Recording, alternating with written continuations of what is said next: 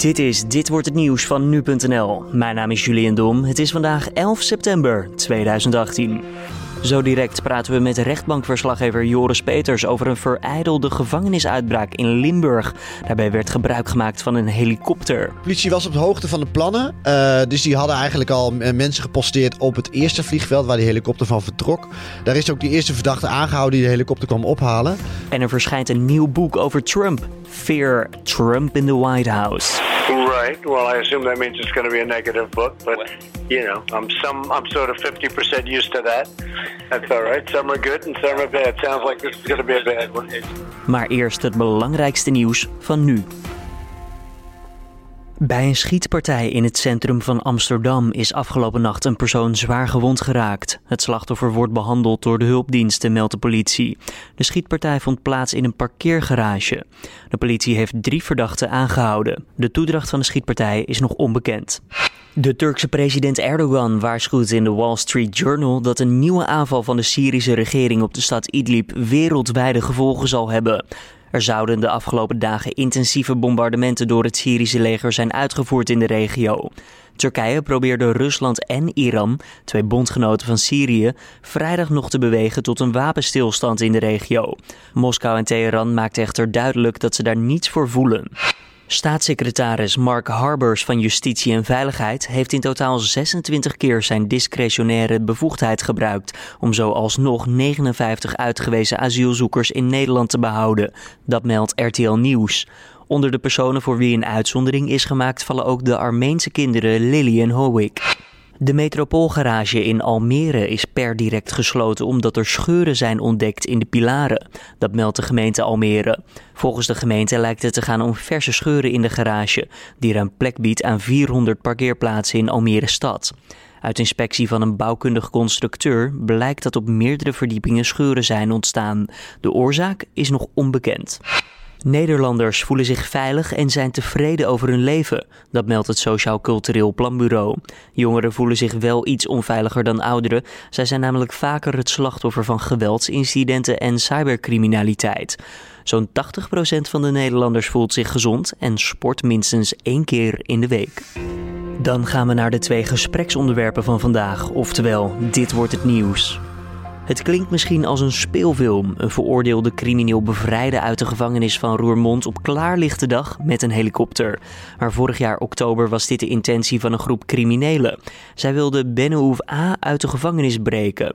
Joris Peters, rechtbankverslaggever bij nu.nl, legt uit wie deze Bennehoef A is. Ja, Bennehoef A is een, is een bekende crimineel die mensen zouden kunnen kennen van de, nou, de, de, de oorlog die de term Mokro-oorlog heeft meegekregen. Uh, hij zit zelf vast voor uh, het opdrachtgeven voor een liquidatie van een, van een concurrent. Laat ik het zo maar even omschrijven. Um, en uh, nou ja, goed, hij, hij, het zijn inderdaad dus, negen mensen staan nu in totaal terecht om hem uit de gevangenis te proberen te bevrijden. Ja, want het verhaal ging zo. er is een helikopter opgestegen. Die is vervolgens geland. En ja. ja. wat gebeurde er eigenlijk? Ja, ja, de politie was op de hoogte van de plannen. Uh, dus die hadden eigenlijk al mensen geposteerd op het eerste vliegveld waar die helikopter van vertrok. Daar is ook die eerste verdachte aangehouden die de helikopter kwam ophalen. Uh, die is toen alsnog vertrokken. En op dat punt waar hij landde zijn uh, ook weer mensen aangehouden. Maar ook enkele zijn, zijn ontsnapt. die zijn na een achtervolging, konden, konden een deel daarvan worden gearresteerd. En één iemand is volgens mij bij die achtervolging ook om het leven gekomen. Ja, klopt. Ja, die, eh, die vluchten een weiland in. Dat is eh, de, een, een Fransman. Um, en die, eh, die heeft het niet overleefd. Uh, en enkele andere verdachten die konden ontsnappen. Er stond ook al een groepje klaar in uh, Roermond, hè, waar, waar, waar Ben Oefe aangevangen zat. Uh, ook daarvan kon een deel ontsnappen. maar al deze, deze mannen, deze verdachten zijn in de, in die, in de komende in de, in de weken, maanden daarna zijn die aangehouden. Eén iemand die bleef wel lange tijd ja, voortvluchtig die persoon is afgelopen woensdag, als ik het goed heb, alsnog zelf naar de politie gestapt. Ja, klopt. Ja. Die, is, die is aangehouden. Die is vrijdag al voorgeleid bij de rechtercommissaris. Uh, dat gaat om Abdelkafour L. Uh, en die zou volgens uh, justitie een, een, een, een, belangrijke rol hebben gespeeld, een coördinerende rol. Hij zou het contact hebben onderhouden tussen Bennehoef A aan de ene kant en de andere verdachte aan de andere kant. Uh, en die zal, zal dinsdag ook in de rechterbank verschijnen. Weten we waarom hij zichzelf heeft gemeld? Nee, nee dat is nog niet bekend. Ik, ik ga ervan uit dat dat, dat, dat dinsdag wel duidelijk zal worden. Um, ja, misschien zegt hij wel van ik, ik speel hier hem geen rol en ik wil dat, wil dat duidelijk maken. Ja. Eén persoon is ook inmiddels al vrijgelaten. Die zat eerst vast, nu niet meer. wat is daar aan de hand? Ja, dat klopt. Het gaat inderdaad om, om, de, de broertje, om het broertje van een van de verdachten. zijn identificatiebewijs is gebruikt om de helikopter te reserveren. Dit is door zijn broer gedaan. en deze jongen, ja, zijn rol wordt zo minimaal gezien dat hij in de tussentijd vrijgelaten is. Hij is nog wel een van de verdachten en zal dus ook voor de rechter moeten verschijnen. Joris, nu met deze hele rits aan personen die dus vastzitten, waarvan er dus één nog vrijgelaten is. Um, waren deze mensen bekenden van de politie? Wisten zij iets van hun? Nou ja, de, de, politie heeft wel gezegd, uh, ze hebben al vrij snel. Het was een behoorlijke heftige actie. Hè? De, de, de, de, de verijdeling eh, van, de, van het van deze, uh, van deze ontsnapping en die, en die helikopterkaping. Uh, dus toen is er wel een persconferentie belegd. En toen zei de politie ook wel: Deze jongens zijn bij ons wel bekend als, als betrokkenen bij de Amsterdamse onderwereld. Uh, nou moeten we ze niet gelijk een hele grote rol toedichten. Maar wel jongens die om bepaalde verdachten heen hangen. Dus uh, op die manier waren ze wel bekend, ja. En met die hele helikopteruitbraakpoging, het klinkt ook een beetje als een kant-en-klare zaak toch voor het OM. Gewoon sticker erop en weg met die zaak. Ja, dat is nog wel lastig. Want wat het soms moeilijk maakt is ehm, één, dat als je iets verijdelt, dan is iets niet afgerond. Dat klinkt heel flauw, maar daarmee hè, zullen verdachten zich vaak beroepen op, vaak beroepen op van oké, uh, jullie hebben ons dan wel betrapt in een bepaalde fase, maar wij wilden dit eigenlijk helemaal niet doen. Die, bijvoorbeeld die, die, de, de Colombiaanse helikopterpiloot, die was uh, speciaal was ingehuurd om de helikopter te besturen. Die zegt, ja, ik, ik wil dit helemaal niet doen. Sterker nog, ik wilde deze uh, bevrijding wilde ik voorkomen. En, dus hij zegt dat, gewoon, ik was ingehuurd voor een... Nou, hij was er wel voor ingehuurd, maar hij zegt zich bedacht te hebben. Maar dat, dat plan niet tot uitvoering te hebben kunnen ja. brengen, omdat de politie hem aanhield. Um, dus ja, kant en klaar. Het is altijd lastig zeggen, omdat, omdat je gewoon als uh, journalist, je, kent niet het hele dossier. Dus je weet het nooit. Daarbij uh, zijn jongens ook herkend aan, aan, aan stem. Hè? Dus, dus dan op opnames. Nou, dat moet je allemaal nog maar kunnen bewijzen. En dan moet je ook een expert hebben die zeggen van... oké, klopt, dit is zeer waarschijnlijk dat het om uh, deze verdachte gaat andere jongen zat achter het stuur van de auto. Die zegt: Ik was alleen maar uh, de bestuurder. Hè? Ik dacht dat we, dat we iets anders gingen doen. Dus dit soort zaken zijn nooit uh, helemaal klip en klaar zonder, zonder bekentenissen. Nee, zeker niet. En Benhoef A dan? Weet hij dat dit is mislukt? Of zit hij in de gevangenis nog altijd te wachten wanneer komt die helikopter nou? Nee, nee, ja, nee die, die, die zal dat zeker weten. Al, al is het al om, om de reden dat hij vrij snel werd overgeplaatst naar de extra beveiligde inrichting in Vught. Um, overigens is wel goed om op te merken dat hij wordt niet vervolgd. Uh, je kan namelijk niet worden vervolgd voor het willen ontsnappen uit een, uh, uit een gevangenis. Hoe zit dat? Uh, nou, het, het, de drang naar vrijheid wordt gezien als een mensenrecht. iedereen heeft dat in zich en wil vrij zijn. En daarom kan je niet worden vervolgd voor, voor, voor ontsnappen uit de gevangenis. Kan wel bijvoorbeeld als daarbij heel veel schade wordt aangericht of andere de, uh, omstandigheden, dan kan je daarvoor wel worden vervolgd, maar niet voor de ontsnapping zelf. Oké, okay, hoe gaat het dan nu verder met de zaak? Even afrondend, want ja. wanneer is de strafhuis bijvoorbeeld? Nou, we gaan, uh, we gaan vandaag dinsdag uh, gaan we de inhoudelijke behandeling beginnen. Dan krijg je persoonlijke omstandigheden en hoe het hele verhaal is gelopen. Hè, de opbouw van het dossier en, en wat, wat, wat het Openbaar Ministerie allemaal weet. en dan zal waarschijnlijk woensdag zal de strafeis worden uitgesproken. En dan zijn er ook nog andere dagen en die zijn ingericht voor de pleidooien van de advocaten van de verdachte. En dat zijn er nogal wat en vandaar dat er zeker nog, uh, nog een aantal dagen aan worden besteed. Je hoorde rechtbankverslaggever Joris Peters. Fear, Trump in the White House. Dat is de titel van het nieuwste boek over de Amerikaanse president Donald Trump. Schrijver en journalist Bob Woodward sprak voor het boek verschillende hooggeplaatste functionarissen binnen de Amerikaanse politiek. Het boek is allesbehalve positief over de Trump-administration. Bob Woodward zelf hoor je even over zijn ervaringen tijdens het schrijven van dit boek. You look at the operation of uh, this White House. And uh, you have to say, let's hope to God we don't have a crisis. Nu.nl-redacteur Matthijs Lelou heeft zich alvast ingelezen en weet meer over Fear, Trump in the White House. Matthijs, wat voor beeld schetst dit nou eigenlijk? Want is dit boek echt zo explosief? Nou, als je het beeld wat dit boek schetst zou omschrijven als ontluisterend, dan is dat eigenlijk nog een beetje een understatement. Um, het staat inderdaad vol met uh, explosieve uh, onthullingen uit, uh, uit de werkwijze van Donald Trump als president. Kan je een concreet voorbeeld geven wellicht? Nou, een van de, van de dingen die meteen in het oog springt is hoe Trump omgaat met zijn eigen staf, met zijn eigen kabinet.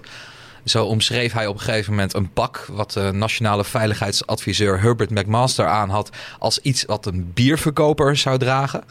En hij deed het accent van justitieminister Jeff Sessions na, noemde hem achterlijk en een verrader en zei dat Sessions niet eens kon slagen als plattelandsadvocaat in Alabama. Dat zijn nog wel wat uitspraken. Dat uh, is uh, inderdaad uh, niet voor de poes. Wat nog alarmerender is dan de manier waarop Trump met zijn eigen kabinet omgaat, is, is de werkwijze van de president. Woodward die opent zijn boek met een van de meest schokkende voorbeelden. Op een gegeven moment liet Trump een brief schrijven waarin werd aangekondigd dat de VS uit een handelsakkoord met Zuid-Korea zou stappen. Zijn toenmalig economisch adviseur Gary Cohn en zijn persoonlijk secretaris Rob Porter werden daar volledig door verrast. Ja. En zij vonden dat echt een impulsief en potentieel rampzalig besluit. Wat deed Cohn? Die stal de brief in kwestie van het bureau van Trump. Wat? En de president, die blijkbaar maar een beperkt concentratievermogen heeft, die vergat het bestaan van dat document zodra het uit het zicht was. Uh, er gebeurde iets vergelijkbaars uh, toen uh, Trump opeens bedacht dat de Syrische president Bashar al-Assad moest worden vermoord.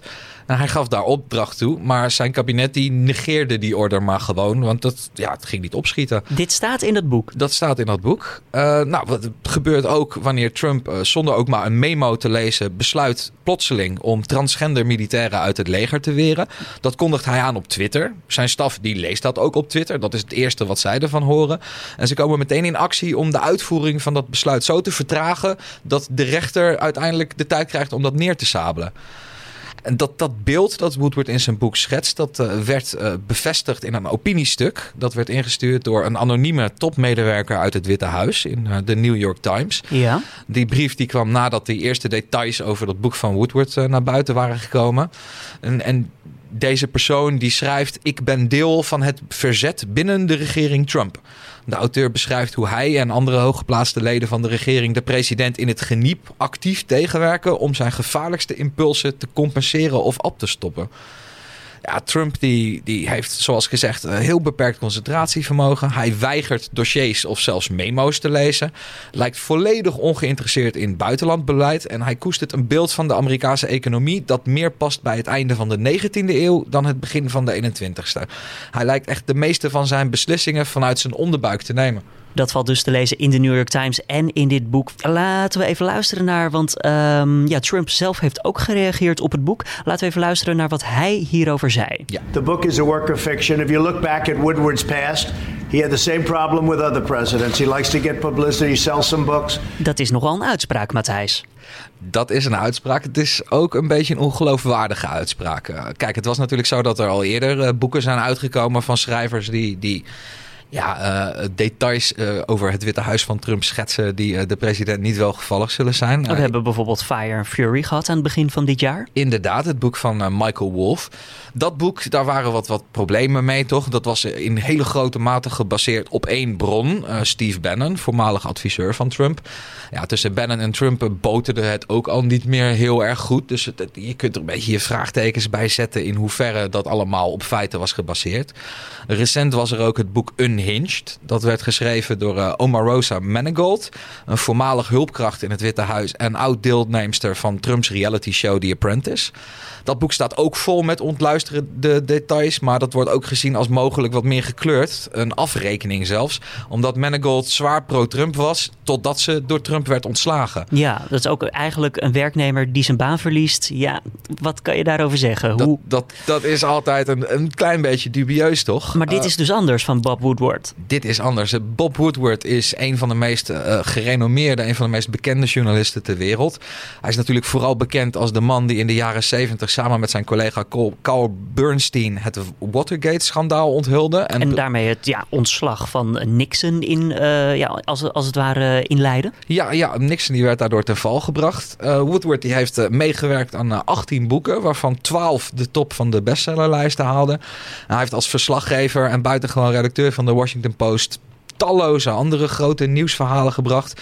Twee uh, Pulitzers gewonnen, de meest gerenommeerde journalistieke prijs ter wereld. Uh, de reputatie van Woodward voor feitelijke berichtgeving is onovertroffen. Dat, dat wordt soms ook als kritiekpunt uh, over zijn boeken gezegd. Een, een, een reviewer die zei op een gegeven moment: Nou, Bob Woodward is eigenlijk meer een soort stenograaf. Die, die, die, die maakt eigenlijk gewoon een soort van transcript. Dus het is misschien textueel gezien niet het meest interessante om te lezen. Maar ontzettend feitelijk. Ja, en dat werkt in zijn voordeel nu zeker bij dit boek over Trump. Zeker, ja, zeker omdat hij ook uh, hij, hij heeft de bandopnames van uh, al die gesprekken die hij heeft gevoerd. Wat heeft hij ook met Trump zelf gesproken, met de president? Dat heeft hij geprobeerd. Uh, Trump die belde met Woodward. Dat was in augustus, toen het manuscript van het boek al af was. Toen belde Trump uh, met Woodward eigenlijk om te vragen: waarom heb je niet met mij gepraat? Nou, Woodward die zei erop: Nou, meneer de president, ik heb dat uh, meerdere keren geprobeerd. Ik heb uh, verzoeken bij het Witte Huis gedaan. Ik heb aan Republikeinse senator Lindsey Graham gevraagd om daar met u over te praten. En, en Trump die moest eigenlijk toegeven dat hij wel had gehoord dat Woodward met hem wilde praten, maar daar uiteindelijk zelf niks mee heeft gedaan.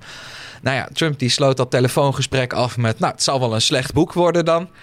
En uh, Woodward die zei, nou meneer de president, het wordt een hard boek, maar wel een feitenboek. Right. Well, I assume that means it's going to be a negative book, but you know, I'm some, I'm sort of 50% used to that. That's all right. Some are good and some are bad. Sounds like this is going to be a bad one. Matthijs Lelou hoorde je over Fear Trump in the White House. Het boek is vanaf vandaag beschikbaar. De slotweek van de Ronde van Spanje gaat vandaag van start.